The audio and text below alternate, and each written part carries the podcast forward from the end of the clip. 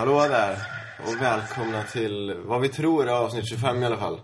Eh, av Chelsea-podden. Ni hittar oss på iTunes, på IPP Podcast Player och på Svenska fans. Tänkte ta det i början nu. Om någon tröttnar mitt i eller någonting. Eh, det är söndag, det är förmiddag, det är morgonkaffe och grejer. Eh, jag har Viktor och Oskar med mig. Goddag. Mår ni bra idag? Efter fylleslaget igår? Man mår som man förtjänar. Nej, jag var fint. Det var ju inte jag som sov under matchen, så... Inte Det var- Viktor heller? Nej, inte Viktor heller. Det var en annan känd CSS-profil. Vi behöver väl inte säga mer än så. Som tyckte att andra halvlek var något av ett sömnpiller. Han skriver uppskattade texter på, på Svenska fans. Nu ska vi inte hänga ut folk allt för mycket här, tycker jag inte. Nej. Nej, men det känns bra. Nummer 25 också. Det är ju härligt. Heligaste numret som finns. Så det, nej, känns fint. Och det är säsongsavslutning idag. Eller säsong, det är årsavslutning. Eh, Så vi tänkte väl summera hösten lite eh, i slutet här. Bjuda på lite nyårskarameller kanske. Ja, och önska er en god jul och sådär roliga grejer. Så kommer vi väl tillbaka i januari sen. Och så Men- är vi halvvägs på väg till avsnitt 50. Är det då vi ska få en platta bärs? Det är då vi får bärsa. Då gasar vi på rejält. Vi kör tre avsnitt i veckan nästa år. Bara för att få öl. Jag är ju, ni har ju fan jobb. Jag har inget jobb. Jag är fattig student. Jag kan inte köpa öl. Men Stoke har vi mött i alla fall. Eh, Det gick ju sådär. För att vara snäll. Ja, men det var ju andra matchen i rad där som vårt försvar var uselt, rent ut sagt. Att vi släpper in först tre mål mot Sunderland och tre mål mot Stoke. Det, det är ju inte okej. Det är inte acceptabelt. Så är det ju bara. Och speciellt inte ett mål i 90 när vi går för en vinst. Åker på en förlust istället. Nej precis, det är ju vi som ska göra mål i 90 Det är det vi brukar göra mot Stoke, men... Nej, det kom som en liten chock att det var de som knep den i slutet. Ja, det var väl inte vad vi hade räknat med. Sen tycker jag väl lite oflyt i den matchen om man ser till matchutvecklingen. Schürrle gör 2-2 och har ett ribbskott bara några minuter efter. Går det in så tror jag att vi kanske vinner med 4-2 eller något sånt. Men nu gör inte det. Vi får inte riktigt till vårt anfallsspel och Stoke sätter typ sin tredje chans de har i matchen, gör de mål på 3-2 målet. Så De hade väl tre skott på mål eller någonting. Ett snyggt mål, det får man ge dem, det sista de gjorde men. det får man absolut göra. Jag sa jag var lite orolig innan. Pappa var jätterolig och smsade mig. Skrev Stoke äger. Jag vet inte riktigt om de äger men de, de vann emot oss i alla fall. Ja, men det enda positiva i den matchen, det är väl Kyrle som vi kan ta med oss. Att han, Äntligen sköt in. ja, han har ju ett fint skott så det ger utdelning. Mm, Och det kändes som att första målet var ett klassiskt Schürrle-mål, liksom placera den. Det var ju, eller det var så han gjorde sina mål mot Sverige i varje fall. Det var som man sett på Youtube innan. Men, så, nej, men det är roligt. Synd att han inte fick göra hattricket där. Både för han själv och för, för oss och för matchen.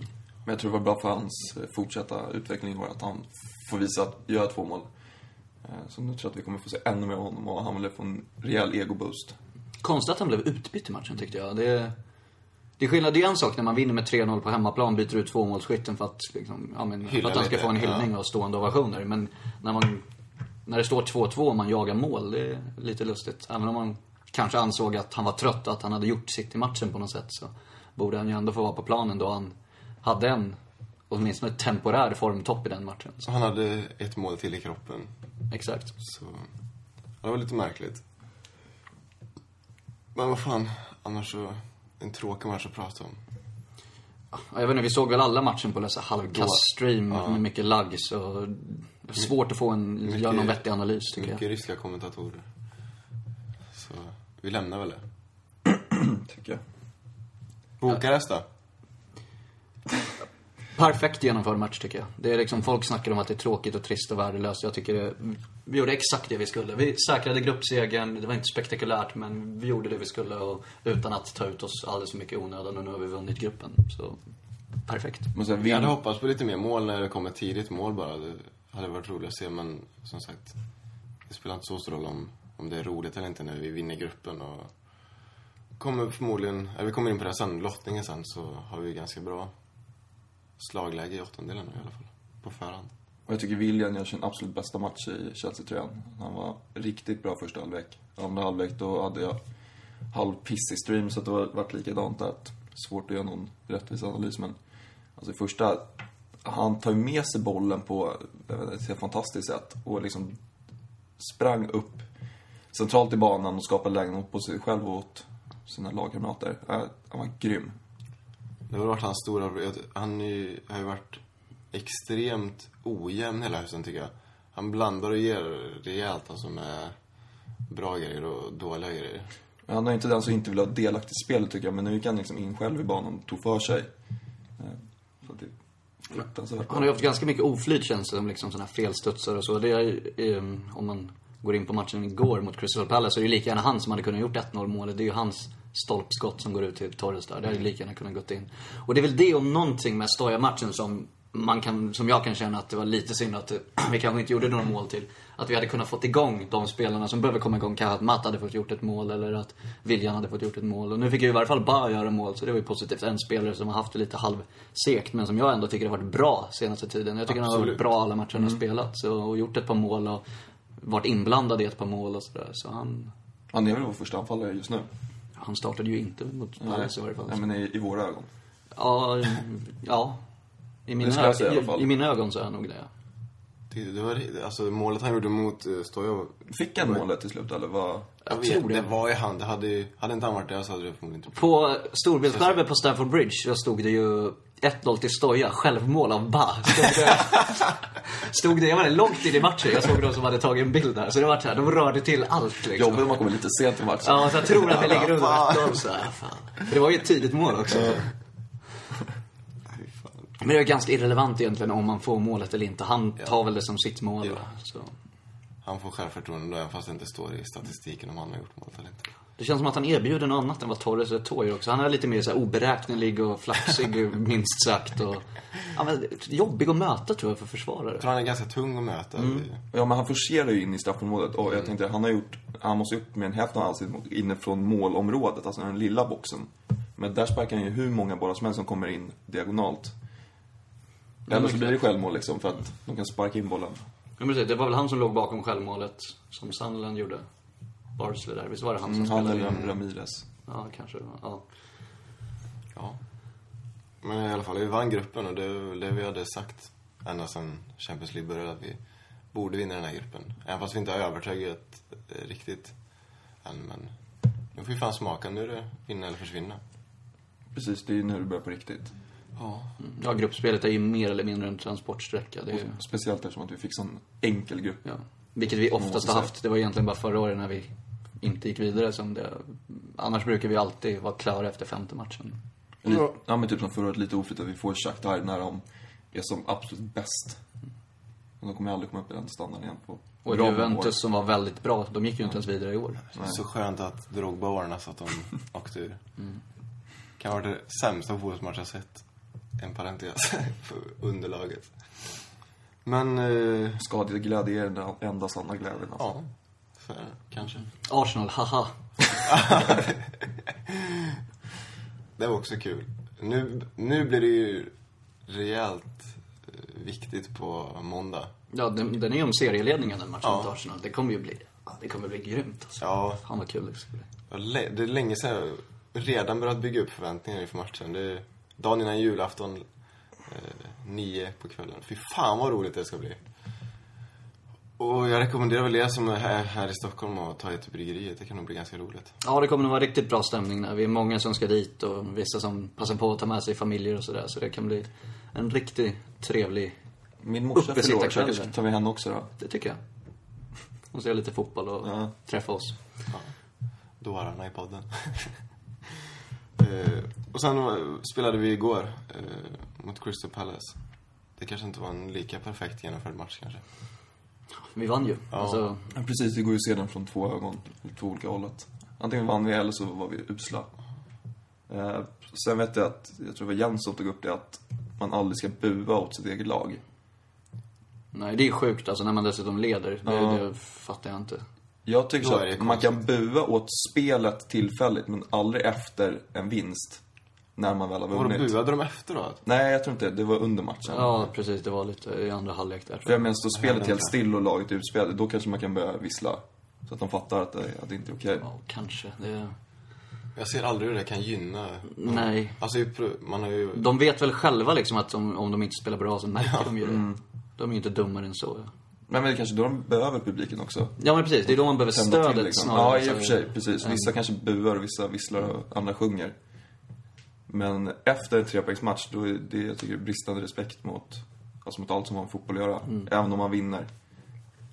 Mm, Nej men det är en sak som liksom om man ska gå in på det igen. Men så här, Benitez, så här, ett tydligt ställningstagande mot någonting som man inte är nöjd med i klubben. Men att så här, generellt bara vara missnöjd med typ spelet eller så här, och speciellt när vi vinner, det är svårt för. Och så här, folk som buar i halvtid också, det är så här, Speciellt Visa mig den matchen som är avgjord i halvtid. Så här, det är, ligger man under med 1-0 eller står 0-0 i halvtid, det behöver inte betyda någonting. Enligt Arsenal kan man ju vinna serien i halvtid. Jo, det kan man ju för sig. Och speciellt när vi faktiskt ligger tvåa i, i tabellen. Det finns ju... Alltså, så mycket finns inte att klaga på egentligen. Vi är vidare i alla cuper, vi är åttondel i Champions League, vi ligger två i ligan och det är seriefinal på måndag. Så jävla mycket har vi inte vara missnöjda över. Nej, precis. Det är väl klart att alla hade hoppats att vi skulle spela lite bättre, lite roligare, göra lite fler mål och sådär. Och kanske att, ja men, Matte skulle ha fått spela mer och varit bättre och så. Men som du säger, liksom, så som tabelläget är så är det ju väldigt dumt att vara missnöjd. Ja, men det är rätt sjukt. Alltså, det är ingen Chelsea-support som är nöjd med spelet i år. Ändå har vi chans att gå upp i serieledning. Ja. Ja, nej, det säger väl en hel del. Jag glömde ta upp en grej från Stoja. Jag läste statistik från Terry. Han, eh, han slog 96 passningar. 95 utav dem gick fram. Och han hade 100% i brytningar. Och han hade 100% i nickdueller. Bra genomförd match. Det är ganska imponerande. Alltså 95 av 96 pass. Och han, han, är ingen, han slår inga pass bak. Han slår ju många, det är klart han spelar i backlinjen ibland. Men det är ju ofta han slår bollen framåt. Så Och han slår ju ofta, startar ju liksom lite längre upp spelen Ja. emellanåt också. det är helt sjukt att dra in 95 av 96. Jag var bara tvungen att hylla honom lite. Ja, men det är imponerande. Han har ju varit väldigt bra hela säsongen. Extremt bra. Men så här, vi vann igår. Eh, Det är seriefinal på måndag. Bra balja av Ramirez. 2-1 Ja. Det var lite oväntat att han ska klippa Alltså, till det är den. fortfarande, vi har gjort det nu på det hundra gånger, det är helt sjukt hur en spelare kan blanda så mycket med sitt tillslag. Han bara helt perfekt och lägger upp den och bara prickar in den i krysset. Jag hatar varje gång han ska ta avslut. Ja, det är- tappat förhoppningarna. Det är inte ofta de går in där de, där de gjorde igår.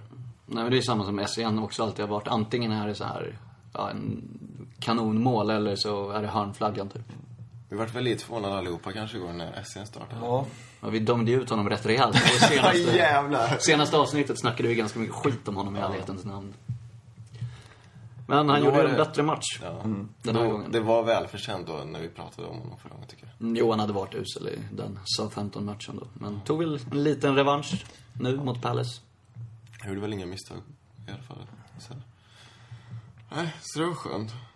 Jag tycker det lite, alltså det enda man kan kanske klaga på igår var väl, alltså rejäl obeslutsamhet när, till exempel när vi, det sista när vi kom med tre mot målvakten. Och Ramirez nuddar bollen lite när han ska spela över den och bara, så vi kan lägga in den. Det är väl lite sådana där små grejer. Ja, och sen hade vi ett läge till där. Eh, när vi kom typ två mot noll. Men då gör i och för sig deras målvakt en jätteräddning. Det såg jag på reprisen. Alltså, jag uppfattade spelar inte det först. Eh, men då bränner vi ytterligare ett läge och det är ju lite den här ineffektiviteten som... Får vi in en tre, ett 3-1 mål där så är ju kanske matchen stängd. Istället för att det kommer ett 2-2 mål i slutet. Men det kan ju straffa oss över en säsong om vi inte tar vara på chansen och stänger matchen ordentligt. Då får vi komma till det då. Ja, ska vi lämna eh, matcherna? Det har ju varit... Det finns ju inte så mycket att säga om de här matcherna. Vi har ja, vunnit två och förlorat en och alla matcher har varit ganska lika egentligen. Det är alltså inget imponerande spel men ändå okej utdelning. Ja. Eh, vi går till Facebook då. Eh, och några här har tagit upp att vi ska summera säsongen och så. Det ska vi göra, så bli inte ledsna när vi inte läser upp era frågor. Men Kevin skrev i alla fall, i två års tid så har våra tre offensiva spelare gärna velat ha mycket boll och utmana sina spelare för att sen gå på skott. Eh, kan det vara en orsak eh, så att våra forwards inte har gjort så många mål? Det känns inte som att de är så delaktiga i matcherna längre.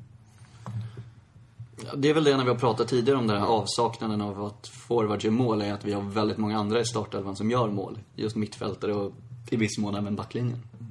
Ja, men visst, så menar, jag, vet, jag tror att spelarna har liksom något slags förtroende för Torres. Eh, om det är positivt eller negativt, det beror väl på. Men vet de att jag tar hellre skotten, försöker passa in det till Torres som kommer tjabbla till det så... Jag tror att det ligger i bakhuvudet någonstans på dem också. Plus att Torres tar inte det här djupledet i eh, motståndarens straffområde. Så att, Jo, men så kan det väl vara. Att man, det är skillnad. Kanske om när Drogba spelade längst fram, en spelare som man alla visste vilken kapacitet han hade, då kan man vara mer benägen att servera honom än vad man är nu med Torres eller Eto'o eller Ba. Och sen så om man jämför, vi har våra offensiva spelare och de gör mål, vi har backar som gör mål. Jämför man till exempel Liverpool som har Suarez, han gör ju målen men de har inga mittfältare som, som gör mål. Så alltså det går ju på ett ut. Det, så jävla stor roll spelar det inte om. Eh, för skulle vi till exempel, om vi säger att vi hade värvat eh, Cavani som är en extremt duktig anfallare. Då hade inte våra mittfältare gjort lika många mål i år så då hade folk klagat på det istället. Ja, absolut. Ja, men säkert. Alltså för några år sedan då hade vi mer renodlade yttrar som liksom höll sina kanter och sen slog in den snett bakåt till anfallare eller till Lampard som kom bakom. Ja, jag- men jag tycker liksom att det är lite, folk blir lite väl fästa vid att anfallen ska göra mål. När vi vann våra ligatitlar 2005 och 2006 så våra anfallare, jag vet inte, Gudjonsson gjorde 14 mål i ena säsongen och Drogba gjorde väl typ 10-12 någonting och sådär. Då Crespo gjorde väl 10 kanske när han var med där 2006. Det är så här, det behövs inte mer än så. Visserligen hade vi en Lampard som gjorde 20 mål varje säsong men nu är det utspritt på fler spelare, målskyttet. Ja. Kevin har också en fråga till dig, Viktor. Varför skriver du Alf på dina bilder på Twitter?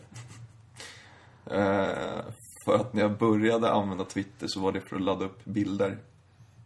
Inte för att skriva någonting. Så att, eh, om jag skulle skicka en bild till någon så istället för att använda typ Imgur så slängde jag upp den på Twitter, koppade URL-länken och skickade vidare bara. Okej, Och då var det oftast bilder till en kille som hette Alf. då har du ditt svar här. Han önskar oss eh, god jul och gott nytt år också. Tacka för en fantastisk podd. Tack. Detsamma Kevin. God jul Kevin. Och tack för att du lyssnar. Eh, Sofia skriver. Kul. Tjejfråga. Den första va? Ja, första vi läser upp har vi missat det. Jag fick mycket dåligt samvete då. Eh, hon skriver, jag är lite sugen på att åka på en bortamatch. Eh, vilken bortamatch i London är roligast att åka på? Inte Arsenal skulle jag säga i varje fall, med undantag för den här 23 nu som av förklarliga skäl kommer vara ja, riktigt, riktigt häftig. Men jag skulle rekommendera Tottenham eller West Ham. Det är de det är bäst stämning på. Eller Millwall. Jag skulle nog inte rekommendera Millwall. om vi skulle möta dem i kuppen. Eh, Fulham är väl också okej. Lite så här halvmysigt, men det är lite så här råare mot Tottenham och Fulham och... Ja, Tottenham eller Fulham. Nej, fan. Tottenham West eller West Ham menar jag Jag såklart. Och i tredje hand Fulham. Då har du ditt svar där. Eh, till tjejfråga. Mikaela skriver, tänkte att det var dags för första tjejen att leverera en fråga. Tyvärr, du blir tvåa.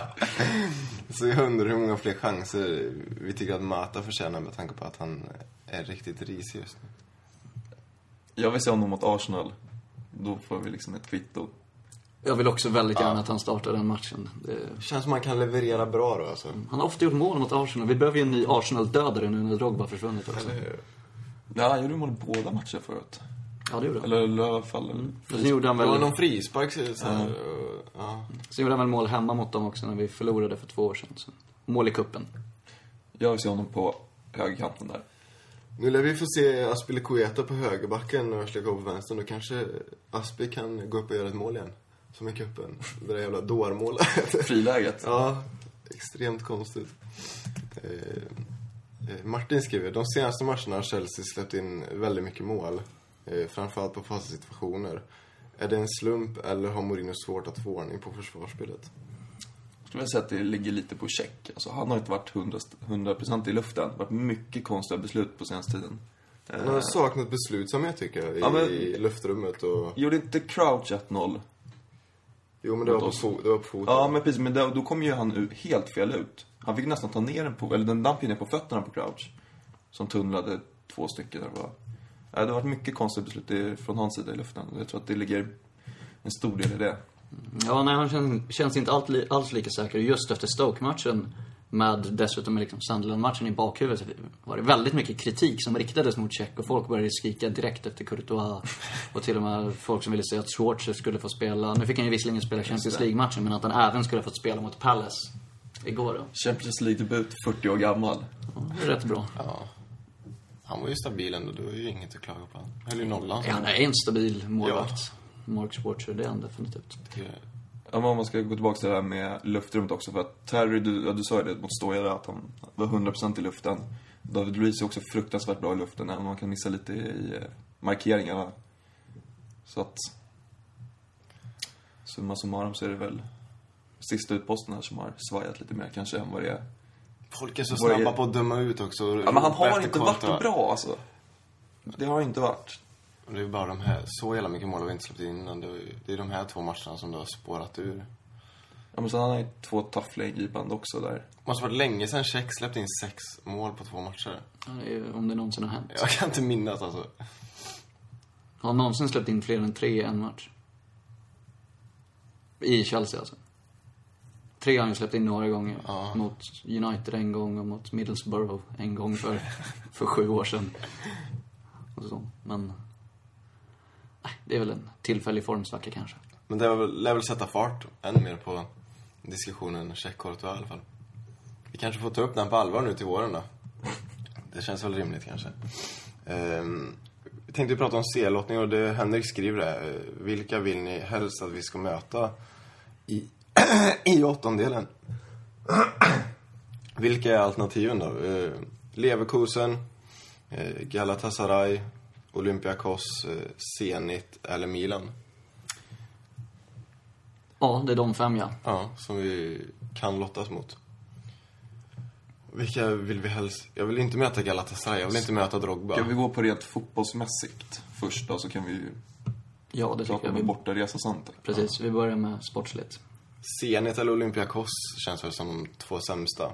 Alltså de grekiska lagen kommer ju aldrig längre än så här. Alltså det... Och Zenit är ju så jävla då. De gick vidare på sex poäng. Jo, nej men de två är väl de enklaste. Mm.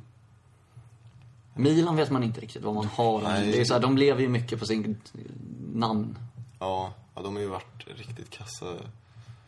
Eh, Balotelli har inte varit så jävla bra heller. Leverkusen däremot går ju bra i Bundesliga. Leverkusen skulle jag inte vilja ha. Så.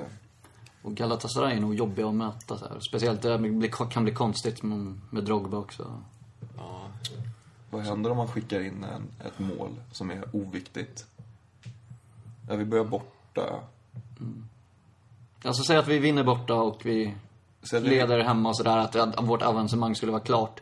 Och han gör ett mål i slutet. Ja. Då har han inga problem om folk så här, håller på och ja, men applåderar och så. Men om han gör ett typ avgörande mål eller så. fan, det vill man ju inte se alltså. Alltså det, visst, han är ändå en av våra största legendarer någonsin. Men då håller man inte på att applådera ett motståndarmål liksom. Det, Nej, det gör man fan. inte. Nej, men helst eh, Olympiakos skulle jag vilja lottas mot. Om vi ser lättast motstånd. Ja, bör vi inte få se en repris på 0-0-matchen som vi snackade om? Ja, vi mötte ju dem i åttondelen 2008. Och den bortamatchen där var nog den sämsta matchen någonsin. Vår bästa chans var en lyftning som så gick förbi Salomon Kaluls huvud och in typ i målvaktens famn. Ja. Annars så det, det är jävligt tunga lag på, som, kom, som tog segrarna i, eh, i, i sina respektive grupper. Ja, det var en jävla tur att vi inte kom tvåa. Då Ja. hade vi fått det tufft. För då är det är Real, PSG, Bayern München, Dortmund, Atletico och Barca. Som vi hade kunnat få möta då. Det hade kunnat bli jättejobbigt. hade det. Ja, men om man kollar på grupptvåorna finns det, det finns väl inget lag man egentligen varken vill ha eller man inte vill ha. Alltså, Ja, det bästa laget är väl City, men de kan vi inte möta Nej. de också är från England. så vi får väl vänta och se lottningen så får man väl... Arsenal och City kommer få en tuff lottning. Det kommer de få, det är bra. Det är bra. De svettas lite. och smaka. Eh, då har vi röjt det i alla fall. Och eh, tack för era frågor som vanligt. Det uppskattas. En liten grej till där på CL-lottningen. Vilket vill man helst åka på bortamatch till av de här ställena? Inte Zenit kanske. Det är så krångligt. med visum Ja, precis. Och dyrt. Det är ju en sån tusenlapp till bara för visumet och mycket krångel. Och kallt som fan. Ja, det lär ju vara i februari också. Jag har aldrig Och ett varit, i, jävla tråkigt lag dessutom. Ja. Zenit. Fy fan. jag har aldrig varit i Milano och kollat fotboll, men skulle kunna åka dit för shopping kanske. Ja, Jag var där senast vi spelade i Milano mot Inter 2010. Och det var ju San Siro, fantastisk arena och sådär. Det var ju grymt. Men i övrigt så var det inte mycket att hänga i granen. Rätt trist stad, hände inte så mycket. Så jag undviker gärna Milan. Men annars, Olympiakos eller Galatasaray. Liksom Istanbul eller Aten kan väl vara rätt trevliga städer. Har inte varit i någon av dem. Så. Om det inte blir sånt väder Jag som det var senast. Kunde packa badbrallorna, men det kan man inte alls. Nej, och då när vi mötte, då, då när vi mötte Olympiakos då, 2008, då var det ju snöväder då också. Så det, det är ju inte ett säkert kort bara för att det är Medelhavet direkt. Nej. Och Leverkusen, det är väl ja, en i raden av... Det är väl som alla andra tyska matcher egentligen. Och fotboll i Tyskland, det är ju oftast roligt. Så.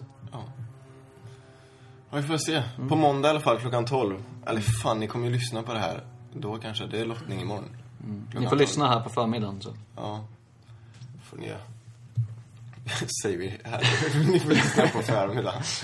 Orimligt. Men eh, det är också dags för en årsavslutning av, av Oskar berättar. Så um, vi kör väl, rullar väl introt. Eh, jag har inte riktigt bestämt mig än. Det kan vara ett annat intro när ni hör det här. Men lämna inte, det är fortfarande Oskar berättar. Så varsågod.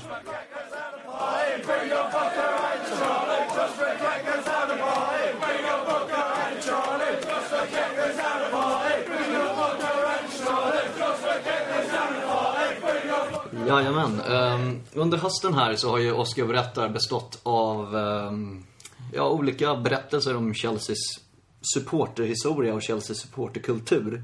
Jag tycker att vi har täckt upp ganska många delar inom det här. Vi har täckt upp ja, men olika läktarsektioner på Stamford Bridge, om The Shed och The Benches. Vi har täckt upp uh, lite om casual-kulturen. Vi har pratat om lite olika läktarsånger. Vi har pratat om den legendariska supporten Mick Greenaway. Vi har pratat om eh, stora bortaföljen, bland annat när Chelseas fans var avstängda från att åka på matcher, men åkte ändå. Och eh, vi har pratat om Celery och vi har pratat om eh, den gamla sångpubben The Sobar. Eh, Så jag tycker som sagt att vi har täckt upp ganska mycket av det här och förhoppningsvis har många lärt sig något nytt roligt om Chelsea och Chelsea supporterkultur. Därför kommer vi i samband med det nya året att ändra lite fokus i Oscar berättar. Jag kommer istället att prata om klassiska matcher eller klassiska händelser i Chelseas historia varje vecka. Så det blir en liten ny eh, Tappning. nytappning där med lite mer fokus på fotbollen och det sportsliga snarare än det, supporterkulturen. Eh, men vi ska avsluta höstens Oscar berättar med att prata om vilka böcker de som är intresserade av Chelseas supporterkultur bör läsa för att ja, men lära sig mer om den egentligen. Eh, det finns en rad böcker först och främst som berör den, vad ska man säga, lite mörkare sidan av supporterkulturen, nämligen den huliganism som var utbredd framförallt på 70 och 80 och i viss mån 90-talet. Eh, en bok som jag tycker är väldigt bra för att man får en intressant insikt i hur det var på den här tiden. Och liksom, det är inga, ja, de försöker inte förneka att huliganismen äger rum och de försöker inte försköna det på något sätt. Utan det är en kille som beskriver hur det var att vara med i Chelsea Headhunters och åka på matcher och ja, slåss i Chelseas namn helt enkelt. Utan att egentligen lägga några värderingar i det. Och den boken heter Holy Fan och är skriven av en författare som heter Martin King. Som skriver väldigt bra. Det finns även en uppföljare till den boken som heter The Naughty 90s. Men den som är lite intresserad av att veta hur det var att vara Chelsea-supporter och ja, Chelsea-huligan till och med. eh, Den bör läsa boken Hoolifan. Det kan absolut rekommenderas. Jag kan ju säga det också, vi lägger ut en, en lista på alla böcker du på Facebook så, Det skulle vi kunna göra. så folk minns. Precis. Eh, Och nu i dagarna, faktiskt den här veckan, så har det släppts en ny bok som är skriven av Chelsea-supportrar som handlar om Eh, den senaste tioårsperioden, alltså den tiden då Roman Abramovic har ägt Chelsea. Eh, så det handlar om varje säsong, vad som har hänt med klubben och så. Och eh, så avs- och avslutas boken med att ja, en 20-30 supportrar får skriva två, tre sidor var om hur det har varit för dem att följa Chelsea under den här tiden. Och det är framförallt det som jag tycker är väldigt bra läsning. Eller jag fick hem boken här i veckan, jag har bara hunnit bläddra igenom den och läsa lite. Men det är supportrar i olika åldrar som skriver om vad de här tio åren med Abramovic har inneburit för dem och deras supporterskap och deras relation till Chelsea. Så det tycker jag absolut är läsvärt och dessutom är det en bra återblick på de senaste tio åren. Man får min- minnas många härliga minnen. Supporterperspektivet är ofta jävligt kul också. Exakt, det, det, det ger ett litet annat perspektiv än liksom allt som klubben skriver. Det, det känns lite mer äkta, att det ja, men mer genuint på något sätt. Um, och det är även så att jag har skrivit en liten del till det där också, så det kan ni ju också få läsa då om ni köper den. Uh, Och den här boken finns att köpa på, genom bokförlaget Gate 17 som är ett bokförlag som är startat av Chelsea-supportrar. Alltså Gate 17 då, för det är ett gäng som sitter på Matthew Harding Upper Gate 17 på matcherna. Um, och uh, man kan köpa eh, boken om man är på plats på Stamford Bridge. Kan man köpa den från CFC UKs försäljningsstånd vid Fulham Broadway. Eh, på en matchdag. Då kostar den 17 pund. Men sen kan man även beställa den till Sverige och då kostar den 25 pund. Inklusive eh, frakten då. Och det gör man på gate17.co.uk. Alltså G-A-T-E, siffran 1, siffran 7, .co.uk. Och vi kommer som sagt lä- lägga upp det här på vår Facebook-sida. Men det är en bok som jag verkligen kan rekommendera. Och eh, om ni behöver panikköpa en julklapp till någon Chelsea-supporter så kan ni ju köpa den. Ehm, och ett par andra boktitlar värda att nämna är en som heter Chelsea Here, Chelsea There som är en väldigt liknande bok och den handlar om den här matchen 1984 borta på Highbury mot Arsenal när Chelsea hade över 20 000 bortasupportrar på plats. Och det är lite liknande där, att det skrivs ur supportrarnas perspektiv. Vi har ju pratat en del om den matchen under höstens podcaster här. Eh, sen finns det två böcker av en kille som heter Mark Worrell som är en känd Chelsea-profil och han brukar skriva i CFC UK och har skrivit ett par böcker. Och det är böckerna Overland and Sea och One Man Went to Moe som egentligen är reseberättelser från han och hans kompisars Champions League-resor i mitten på 2000-talet. Ena är från 2003-2004 och andra är från 2006-2007. Väldigt många sköna historier som visar hur det är att följa Chelsea ute i Europa där. Många fina bilder också. Så de böckerna kan jag absolut rekommendera till er som vill höra mer om Chelsea supporterkultur. Så hörs vi igen i Oscar berättar nästa år då vi ska dyka ner i Chelseas fantastiska historia. Härligt. Härligt det. Vill du berätta lite kortfattat om vad du har skrivit eller ska man få läsa det själv? Nej, Alltså det handlar ju om tio år under Abramovic. Det är en liten återblick på hur det har varit för mig att vara Chelsea-supporter. Det börjar ju sommaren 2003 och så är det en snabb spolning fram till sommaren 2013 egentligen. Hur Så- mycket kommer du ihåg från innan den tiden? Vadå? Från innan 2003? Vad menar du? Hur mycket du kommer ihåg själv? Alltså, Jaha. du var väl... Jag var ju som 13, 13 Ja, var jag. Som du är nu, menar du? Nej, jag är 13 Som jag då. Så minns jag ändå ganska mycket. Jag minns hur det var när Abramovic tog över. Så här. Det... Men om ni vill veta det så köp boken. Härligt. Ett rimligt Oscarsvar. Mm. Köp boken. Eh, Men vi tänkte väl ta en, en liten kort summering av eh, hur hösten har sett ut. Ge, ge lite Chelsea-podden-priser till dem vi tycker förtjänar och lite skit till dem vi tycker förtjänar också.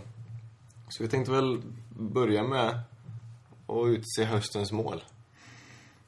Som vi kanske är eniga om att det kom ganska tidigt i, på Är det säsongen. snyggaste vi pratar om nu? Ja, det måste det vara. Vi tänkte väl höstens mål som var snyggast och den man firat mest. Som två olika. Ja, Så snyggaste, det har inte varit så många snygga mål. Vi satt ju här innan och försökte komma fram till lite liksom, nomineringar eller vad man ska säga. Och det, det är svårt. Det har inte varit några sådana här Louise monsterträffar. Och... man väntar fortfarande på hans första bomb i år. Kan de få vänta länge? Ja, kanske. Nej, men vi kom väl ganska fram, snabbt fram till vilket det var. Och sen var det inte så mycket att diskutera. Säg då. Det var Lampards var det 2-0 mål mot Hull i premiären. Precis. Frisparken där som man Frisparken bombade in. långt ut där. Så, ja. Visade då för alla kritiker att gammelgrisen fortfarande kan. Och då fick vi se Mourinhos tokfirande. Ett imag imaginärt finger mot uh, tvivlarna. Mm, Det var skönt. precis. Och det vi firar mest, det pratade vi också lite om, men det var väl inte så jävla snyggt, men när hemmamatchen mot City, när vi, när Torres petade in den i slutminuten. Men ni fick ju fira på plats. Ja, jävlar. Då firar vi. Ja, det var ett bra firande. Och, Mina skor gick sönder. Du hoppade på mina skor då. Mina skor gick sönder, men det var det fan värt. ja, lätt värt. Klarar de inte 40 kilo? Det kan ju vara ett väldigt viktigt mål vid säsongens slut också. Just Ja. eftersom det var mot City också. Extremt viktigt kan det vara. När vi tittar tillbaka sen i, i vår. Eh, höstens match då? Ska vi ta den också i viktigast och roligast, eller hur? Roligast pratade vi om förra veckan. Ja. Då sa vi väl att det var 4-3 mot Sunderland. Ja, Vi väl jävla fast för det. Det var väl match. Crystal var inte mycket roligare. Stoja var inte mycket roligare. Stoke. Nej. Den var ju, som vi pratade om, högst underhållningsvärd. Även fast det inte var en perfekt match. Så det var jävligt kul att titta på. Men annars är det väl den där vinsten mot City. Eftersom det var ja, men en vinst mot ett annat topplag och en, en titelkonkurrent. Exakt. Annars hade vi spelade ju lika mot United och det har ju inte varit så. Tottenham spelar ju också lika mot så de andra toppkonkurrenterna har vi liksom inte... Liverpool har vi inte mött än. Eh, Arsenal har vi inte mött än eh, i ligan. Så än så länge så är väl det den viktigaste och bästa matchen vi har vunnit. Ja. Ja, för det var ingen Champions League heller som var så tokviktig. Måste, måste vinna matcher i sista omgången. Så. Nej.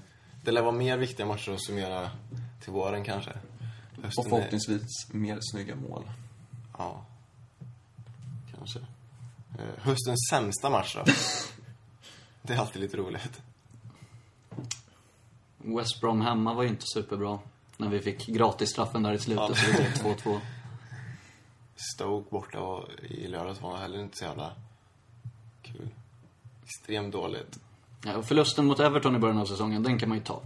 Det är Ja. så här, den är ändå acceptabelt. Ja. Everton har ju varit väldigt bra i år och förlora på Goodison, det är ändå... Ja, Det är inte så konstigt, ja. Förlusten hemma mot Basel är också värd att ta upp, men samtidigt tycker jag inte att den... Ah, De var, de var bra, vi var dåliga. I slutändan förtjänade de att vinna. Newcastle borta då, när vi förlorade med 2-0. Den var ju också rätt usel. Ja, då var vi usla 90 minuter. Ja. Ja, Det kanske är vår sämsta match. Spelmässigt kan det nog vara det. fy fan, då var vi ledsna på bryggeriet. Mot ett ganska, då i varje fall, formsvagt Newcastle Ja, också. Det var ju då de började komma igång. I samband med den segern. Vi boostade dem där. Inte för att de är något hot Det var bara för att du var sent i matchen. Var jag sen då? Ja, det var det. Jag stod ute och rökte när matchen började va? Ja. Förlåt mamma om du lyssnar på det här, men jag röker ibland. Ehm, höstens utropstecken då? Vad menar du med spelare? Eller det kan väl vara vad som helst. Om det är något som man har överraskats positivt av. Mitt för mig är det självklara och eh, det är väl Terry jag tycker han har varit. Man hade inte riktigt så, han började ändå bli ganska gammal. Eh, Förra säsongen så blev han ju petad mycket, han fick inte så mycket speltid så man hade inte så stora förväntningar men jävlar eh, vad bra han har varit eh, den här säsongen. Ja, han var både petad och långtidsskadad och det var väl nog många som tänkte att det kanske är slutet nu som börjar närma sig. Men icke. Gör en sån här kanonsäsong nu. De hänger i gubbarna som är Lampard och Ja. Terry. Det är Ja, så det är jävla kul att se. Ja. Eftersom att det här är avslutning nu så att efter första januari sitter ju han, Lampard och Cole lite löst. Då har ju de chans att signa nya kontrakt med och gå som bossman i sommar. Men jag Ja. tror att ingen av dem lämnar. Nej, det lär väl bli som förra året. De signar upp alla på ett år till slut. Precis. Det var väl Cole som var lite långdragen förra året. Ja, Lampard också. Men Cole fick ju rätt tidigt. Ja, men det var väl ändå ganska mycket snack om Ja. Han var väl inte kalasnöjd heller. Och nu verkar han ju inte ens vara ordinarie. Nej, Så- precis. Jag Samtidigt sa ju Mourinho eh, förra veckan att gi- givetvis, eller självklart de skulle förlänga med Cole. Jag hoppas det. Verkligen. Eh, höstens besvikelse då? Det kan vi väl ta i, det, Jag tror vi kommer glida in på samma hö, höstens sämsta nyförvärv. Ja, min största besvikelse är väl Kevin De Bruyne då som jag tycker... När han fick mycket speltid de första matcherna så kände man okej det här är någonting. Sen har det bara gått ut för. Men han har inte fått så mycket skäl. Det är orättvist kanske också. Ja, jag skulle inte säga att han är en det- besvikelse som fotbollsspelare, utan det är allt runt omkring. Alltså det är så mycket mer än bara... Han har, tycker han verkar lite gnällig. Han har en gnällig aura. Ja, det, precis. jag gillar inte det. Sen tycker jag att han, att han har fått spela lite för lite. Eh, han vart inte... Han fick väl inte ens flyga med ner till Stoja borta och sånt där. Mm, någon match var det. Ja. Ja, det var för mycket strul. Han är ju inte tillräckligt bra för att gå rakt in i startelvan. Det är han ju inte. Nej, Alltså. verkligen inte. Inte just nu.